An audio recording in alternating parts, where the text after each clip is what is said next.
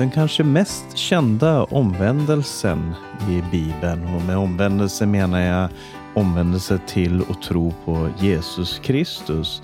Det är nog då Saul ifrån Tarsus, han som var det judiska stjärnskottet inom fariseisk teologi, mötte Jesus på vägen till Damaskus. Och den berättelsen är intressant, inte bara ur en historisk synpunkt, utan också för att eh, den lär oss någonting om vad omvändelse betyder. Och därför så ska vi nu göra en liten halvtimmes fallstudie i omvändelse idag utifrån berättelsen om Saul från Tarsus som mötte Jesus på vägen till Damaskus i Apostlagärningarna kapitel 9. Jag heter Paulus Eliasson och du lyssnar på Radio Maranata.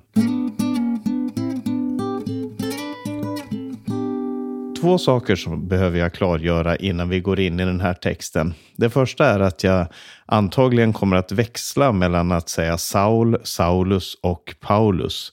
Och det beror på att eh, Paulus i Bibeln, aposteln, han hade två namn. Ett latinskt, Paulus, som betyder liten eller värdelös och ett hebreiskt Shaul, Saul, eller som det translittereras på grekiska Saulus, som betyder utbädd.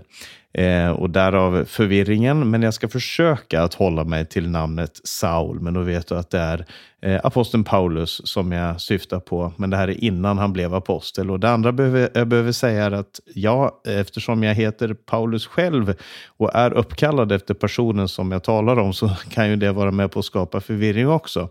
Eh, men om jag har fått mitt namn ifrån aposteln Paulus så hade antagligen han fått sitt namn från Israels första kung, Saul, eftersom de båda kom ifrån Benjamins stam. Så Saul eller Saulus och Paulus, det är samma person. Eh, han fick inte ett annat namn då han blev frälst, som vissa tänker och påstår, utan det är så att i Apostlagärningarna så kallas han Saul fram till det trettonde kapitlet och sen Paulus därifrån. Det sägs att han som också het, kallades Paulus och så i fortsättningen så kallas han Paulus. Och jag ska försöka hålla mig som sagt till att kalla honom Saul i det här programmet. Vi får se hur det går. Eh, men vi ska börja med att läsa i Apostlagärningarna 9 och den första versen där, där det står så här.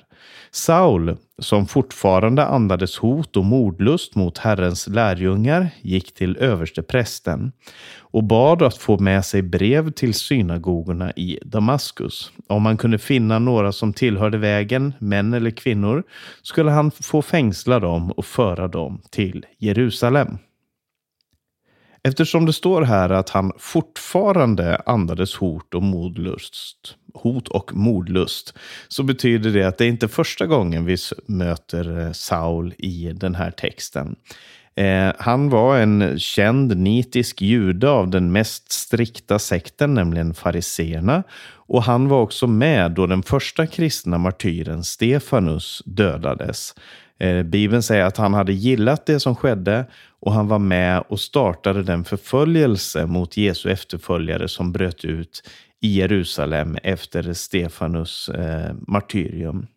Och Man kan ju fråga sig varför gjorde han det här? Ja, fariseerna lärde att Gud skulle välsigna Israel när man valde att följa alla de lagarna och buden som Gud hade gett till punkt och pricka. Alltså, Gud kan inte välsigna oss så länge vi lever i synd, var tanken.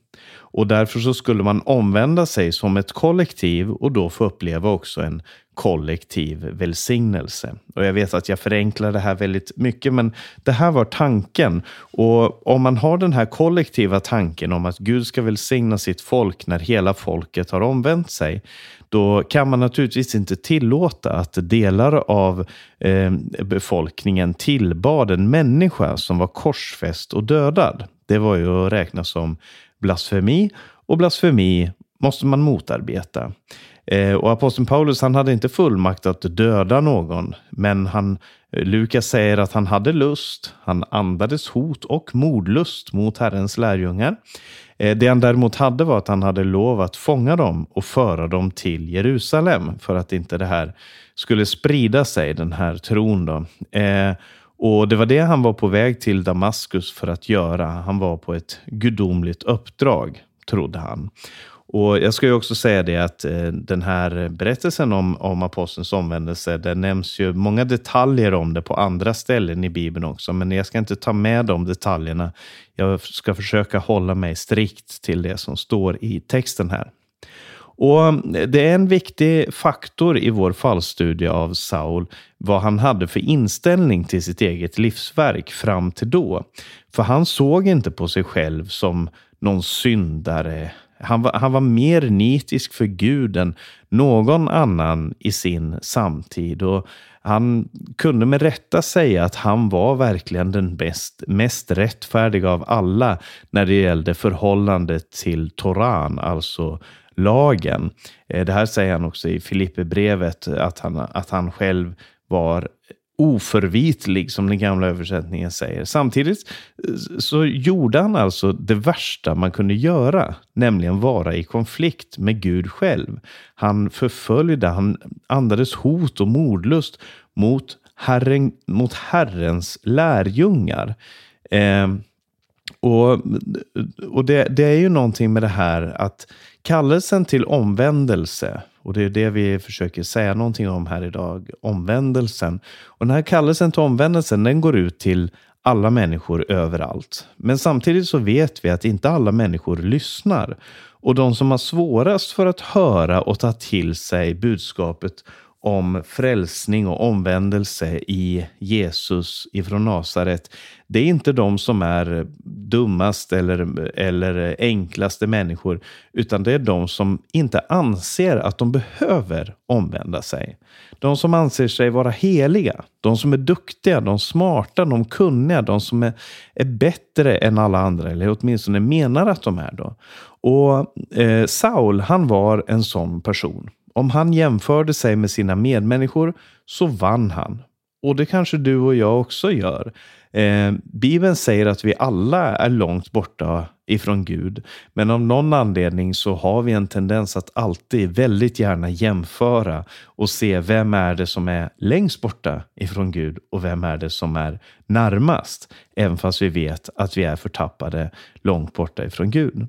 Och Så det Saul behövde Eh, det var inte ett möte med människor. Det var inte ett möte med teologi. Det var inte ett möte med överbevisning eh, i ord, utan han behövde ett möte med Gud själv. Han som är alltings standard och som vi inte kan jämföra oss med. Det är bara ett sådant möte som kan uppenbara hur illa det faktiskt är med oss. Och Saul fick också ett möte med Gud, men Antagligen inte på det sätt som han hade förväntat sig. För texten fortsätter och säger så här. Men när han på sin resa närmade sig Damaskus strålade plötsligt ett ljus från eh, himmelen omkring honom. Han föll till marken och hörde en röst som sa till honom Saul, Saul, varför förföljer du mig? Då frågade han Vem är du, Herre?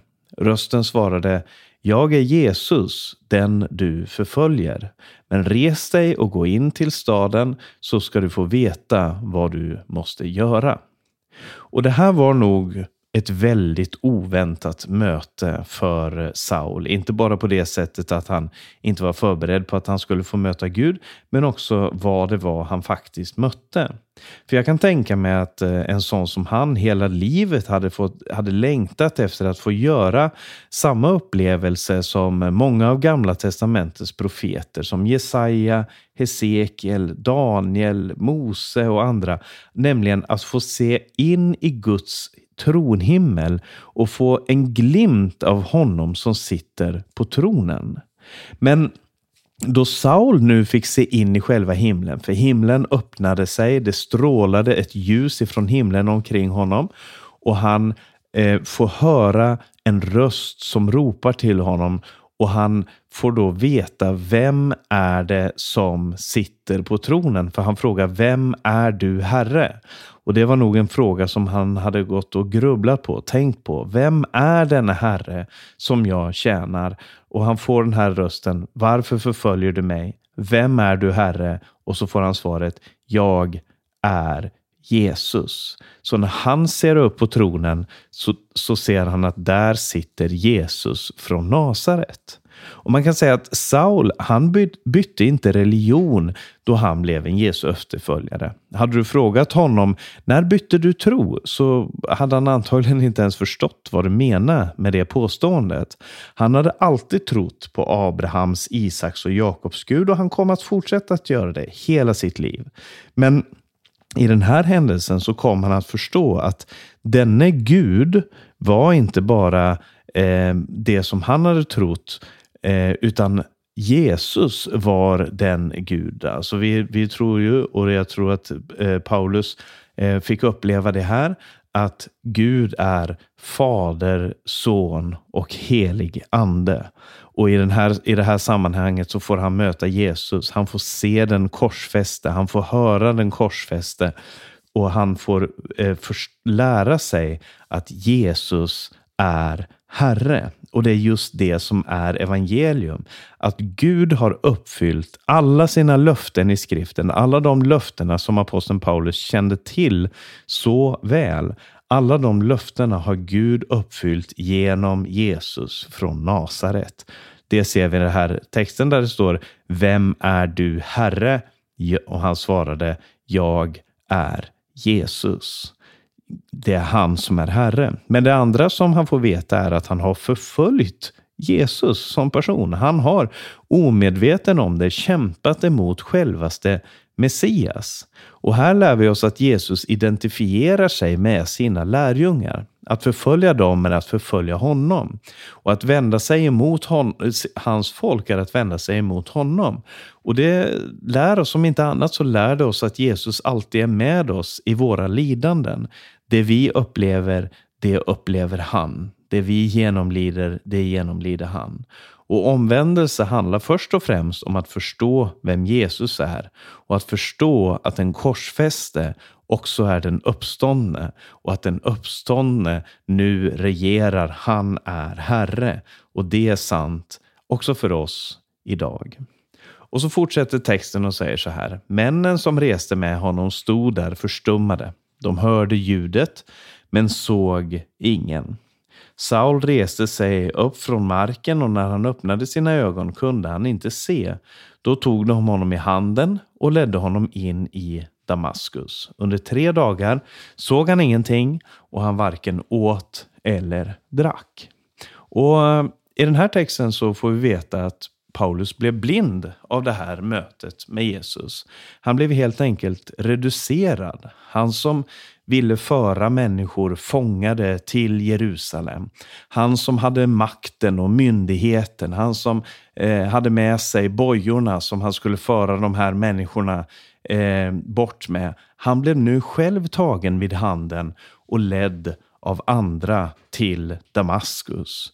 Det påminner lite om patriarken Jakob som det står om, som brottades med Guds ängel och eh, det mötet med Gud och Guds ängel blev ett, en förändring för honom så radikalt därför att han blev slagen på höften, står det. Och sen haltade han resten av livet. Och det behövde han antagligen. Jakob var en sån person som behövde få ett slag på höften. Han hade gått sina egna vägar, följt sina egna tankar, gjort som han själv tyckte hela sitt liv. Men Gud sa, det är nog med det nu. Nu får du ett slag på höften och så går du dit jag vill. Och Saul, han, eh, han behövde också reduceras. Och det är en del av omvändelsen, just den reduktionen. Att förstå hur beroende man är av Gud. Att förstå eh, vilket förhållande man har till sin Gud eh, och inte för, förlita sig på sin egen styrka. Det är en stor del och en viktig del av vad det betyder att omvända sig. Och det vi har sett hittills det är att Saul, han har fått se Guds härlighet. Han har sedan förstått sin egen syndfullhet och till slut så har han blivit reducerad till rätta proportioner av Jesus själv. Men så fortsätter texten och vi byter huvudperson här. Nämligen, det står så här från den tionde versen. I Damaskus fanns en lärjunge som hette Ananias. Till honom sa Herren i en syn, Ananias. Han svarade, Här är jag, Herre. Då sa Herren till honom, Res dig och gå till raka gatan och fråga i Judas hus efter en som heter Saul från Tarsus, för han ber. I en syn har han sett hur en man som heter Ananias kommer in och lägger händerna på honom så att han kan se igen. Ananias svarade, Herre, jag har hört av många hur mycket ont den mannen har gjort mot dina heliga i Jerusalem och nu är han här med fullmakt från översteprästerna att gripa alla som åkallar ditt namn.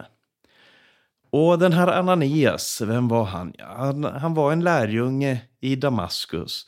Och här så får han ett tilltal ifrån Gud. Och det måste ju nödvändigtvis vara varje troendes dröm att få inte bara ett tilltal men till och med ett samtal med Gud. Men just det här samtalet verkade som att Ananias kanske hade önskat att han slapp. När han får första tilltal ifrån Gud så är det första han gör efter att han har sagt här är jag herre och ställt sig själv till disposition eh, så är det andra han gör är att protestera emot det Gud säger. Det påminner lite om eh, Jesajas syn av Guds tronhimmel där han också får, får det här uppdraget att eh, eh, Gud säger, vem ska jag sända och vem vill vara vår budbärare? Och Jesaja säger som Ananias, här är jag, sänd mig. Och så börjar Gud tala om vad han ska predika till folket. Och på den tiden så var det ett domsord som Jesaja skulle bära fram. Och då svarar Jesaja Herren, hur länge, o Herre? Alltså han, det här väcker tankar i honom. Och därför att han var inte klar över eh, vad slags profetiskt budskap Gud ville ha fram. Och här är det lite samma men omvänd situation. Gud vill ha fram någonting som Ananias inte är beredd att göra. Han vet om eh, Saul, att han är på väg dit, men han vet också att han är på väg dit för att döda honom. Och Gud kallade eh, Ananias att söka upp mannen som hade drivit Ananias på flykt. Kanske han var en av de som hade flyktat från Jerusalem. Han visste att Saul var på väg till Damaskus och han visste vad det innebar. Han själv hade inte flytt Eh, från staden, trots att han visste att eh, Saul var på väg dit. Men han väntade kanske på sitt eget martyrium. Men nu sa Gud att han skulle uppsöka Saul i Judas hus på Raka gatan där i stan. Och Gud sa, för han ber. Och som farisé så hade ju Saul bett hela sitt liv, minst tre gånger om dagen, men nästan alltid mer. Men aldrig hade Gud kallat någon att gå och besöka honom under alla de bönesessioner som han hade haft i sitt liv. Men nu när han var, Paulus var reducerad och krossad, då kunde, Gud, då kunde Gud äntligen lyssna på hans böner och han kunde äntligen be böner som blev hörda i himmelen. Och lägg också märke till hur Gud går tillväga, för han som gjorde Saul blind utan någons hjälp kunde naturligtvis ha helat honom också utan att Ananias behövde gå dit. Men jag tror att han ville demonstrera för både Saul och för Ananias vad det betyder att följa Jesus. För Saul så betyder det att han fick lära sig att man är aldrig ensam, man är aldrig ett vakuum, man har alltid syskon. Det finns människor som man är beroende av. Och för Ananias så betyder det även din värsta fiende är den du behöver tjäna. Och det här är en del av vad det betyder att omvända sig till Gud. Man omvänder sig till en ny gemenskap. Och så står det så här i den femtonde versen. Men Herren sa till honom, till Ananias alltså, gå, för han är mitt utvalda redskap för att bära fram mitt namn inför hedningar och kungar och Israels barn och jag ska själv visa honom hur mycket han måste lida för mitt namns skull. Saul står det här, han är ett utvalt redskap. I den rumänska översättningen så står det att han är en, eh, att han är eh, en behållare eller en vas. Han är, han är som en, en kruka som, som man kan fylla med någonting. Eh, och, och, att Saul var det, eller Paulus, eh, aposteln Paulus som vi känner honom, att han var ett utvalt redskap för Gud, det kan man ju absolut vara enig i. Det finns ingen av Jesu efterföljare som har haft lika stort inflytande på den kristna historien, på vår förståelse av Jesus, vem Jesus är och vad han har gjort. Men det han var utvald till gäller i någon mån för alla troende. För det står att han skulle bära fram Herrens namn för hedningar, kungar och Israels barn. Eh, och det var kanske någonting som var unikt för honom, just det här med hedningar, kungar och Israels barn. Men för all del, det är ju på ett sätt alla människor. Antingen så är man hedning eller så är man Israels barn. Och att bära Guds namn är någonting som alla troende är kallade till. I Gamla Testamentet talas det om översteprästen att han bar Guds namn på en guldplatta på sin panna och att prästen också la Herrens namn på Israels folk. Och ett av budorden säger du ska inte bära, om man översätter det direkt från hebreiska så står det du ska inte bära din Guds namn i tomhet. Eh, och Det här betyder att, vi, eh, att Guds folk är representanter för Herren och de förkunnar hans namn genom sina ord och genom sina gärningar. Och Saul han blev avskild för den här tjänsten som präst och det blir vi också i omvändelsen. Vi får den här tjänsten. Men det andra som står är att Jesus själv skulle visa honom hur mycket, eh, hur mycket Saul måste, måste lida för Jesu namns skull. Inte bara att han kanske kommer lida eller att han kommer få lida om han inte lyssnar på Guds röst, utan att säga han måste lida. Så de lidanden som aposteln gick igenom, det var inte ett misstag från vare sig från hans sida eller från Guds sida. Det var inte någon plan B eller C, utan det här var en del av vad det betydde för honom och för varje människa att tillhöra Jesus i den här världen. Vi blir avskilda för tjänst för honom och det betyder ett lidande. Det är den troendes kallelse. Och vi ska aldrig inbilla oss eh, att lidande inte är en del av den kristna kallelsen. Det kan ta sig uttryck på så många, många olika sätt och det fick ju aposteln själv uppleva. Ibland så blev han slagen, ibland så blev han hotad, han, har blivit, han blev stenad. Men, men han nämner också att det fanns faror bland falska bröder, det fanns faror ibland eh, på, på, på så många olika sätt. Och på vilket sätt det nu än är så är det en del av vad det betyder att vara en Jesu lärjunge. Men som vi såg på tidigare också så är Jesus med i dessa lidanden. Och så till slut här då i den eh, sjuttonde versen så står det så här att då gick Ananias och när han kom in i huset la han händerna på honom och sa Saul, min broder. Herren Jesus, som visade sig för dig på vägen hit, har sänt mig för att du ska kunna se igen och bli uppfylld av den helige Ande. Genast var det som om fjäll föll från hans ögon. Han fick tillbaka sin syn och han reste sig och blev döpt. Saul, min bror, säger Ananias i den här texten. Därför att Saul han hade fått en ny identitet och det förstod Ananias. Det här var hans sätt att välkomna honom in i den troende familjen. Det han var förr, det var helt oviktigt. Nu var han en bror. Han öppnade dörren, la händerna på honom och sa Saul, du är min bror. Tre dagar tidigare så hade han kommit, Saul hade kommit dit för att fånga Ananias.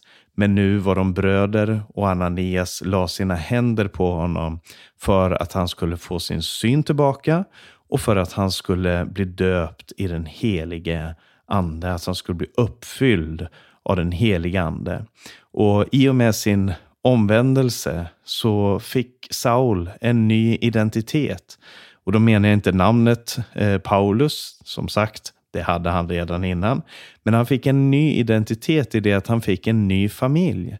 Han fick uppleva Guds heliga ande. Och till slut så blev han också döpt som en symbol på allt detta. Och Så det är det som sker när Gud är på färden, när Gud får göra det han önskar att göra. Och det är det här vi får uppleva när vi omvänder oss till Gud också. Därför att det här handlar inte bara om att berätta historien om hur det gick för aposteln Paulus den gång då han omvände sig och där han fick uppleva eh, hur Gud arbetade i hans liv. Och Det är därför jag tycker att, han, att Sauls omvändelse är en så fantastisk fallstudie i omvändelse. Eh, för det första så lär vi oss här att liksom han så behöver vi få ett möte med Jesus. Inte nödvändigtvis genom att himlen öppnar sig och strålar runt oss och vi får höra en stämma ifrån himmelen. Men vi behöver få lära oss vem Jesus är. Det är först då som behovet av omvändelse och förståelsen av vad omvändelsen är väcks i oss. För det andra så behöver vi reduceras till de syndarna som vi faktiskt är. Eh, han behövde lära sig att förstå att allt det han trodde var rättfärdighet, det var egentligen orättfärdighet. Även de bästa tingen hos honom var sånt som han senare i livet skulle säga, det räknar jag som ett avskräde mot det som är långt mer värt, nämligen att lära känna Kristus och kraften ifrån hans uppståndelse. Han blev reducerad i sig själv, men det betydde ingenting för hans nya identitet, den fann han i Jesus. Och det är det som den här texten också lär oss, att Jesus öppnar dörren till en helt ny identitet. Och vårt uppdrag, liksom aposteln Paulus uppdrag, det är att bära hans namn i alla livets förhållanden. Och det här är strukturen som finns i så mycket tillbedjan och det här är evangelium förkunnat i Apostlagärningarna 9 genom Sauls omvändelse.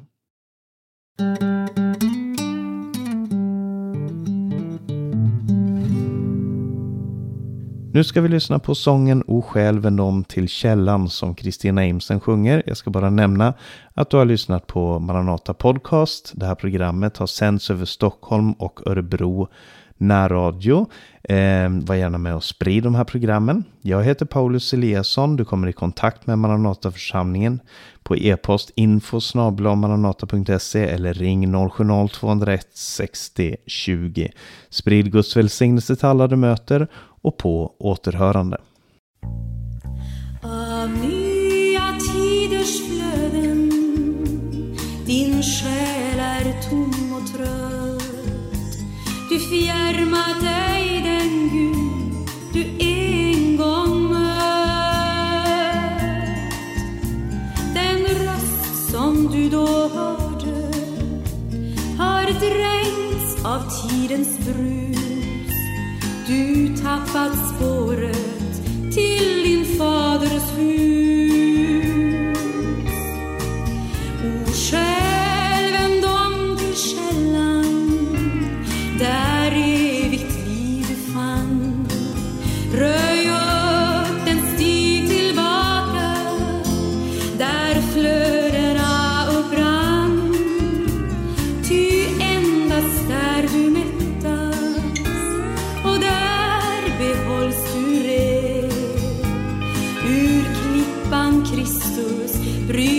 honrame.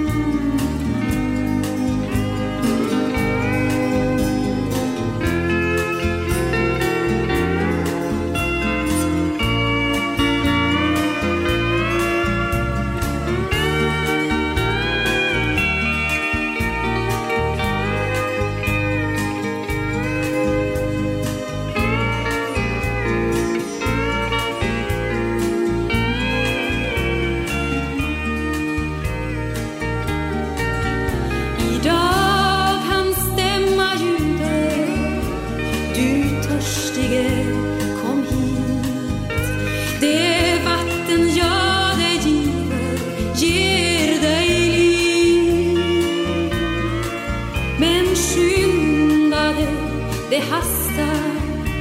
Snart lämnar jag din trakt. Ty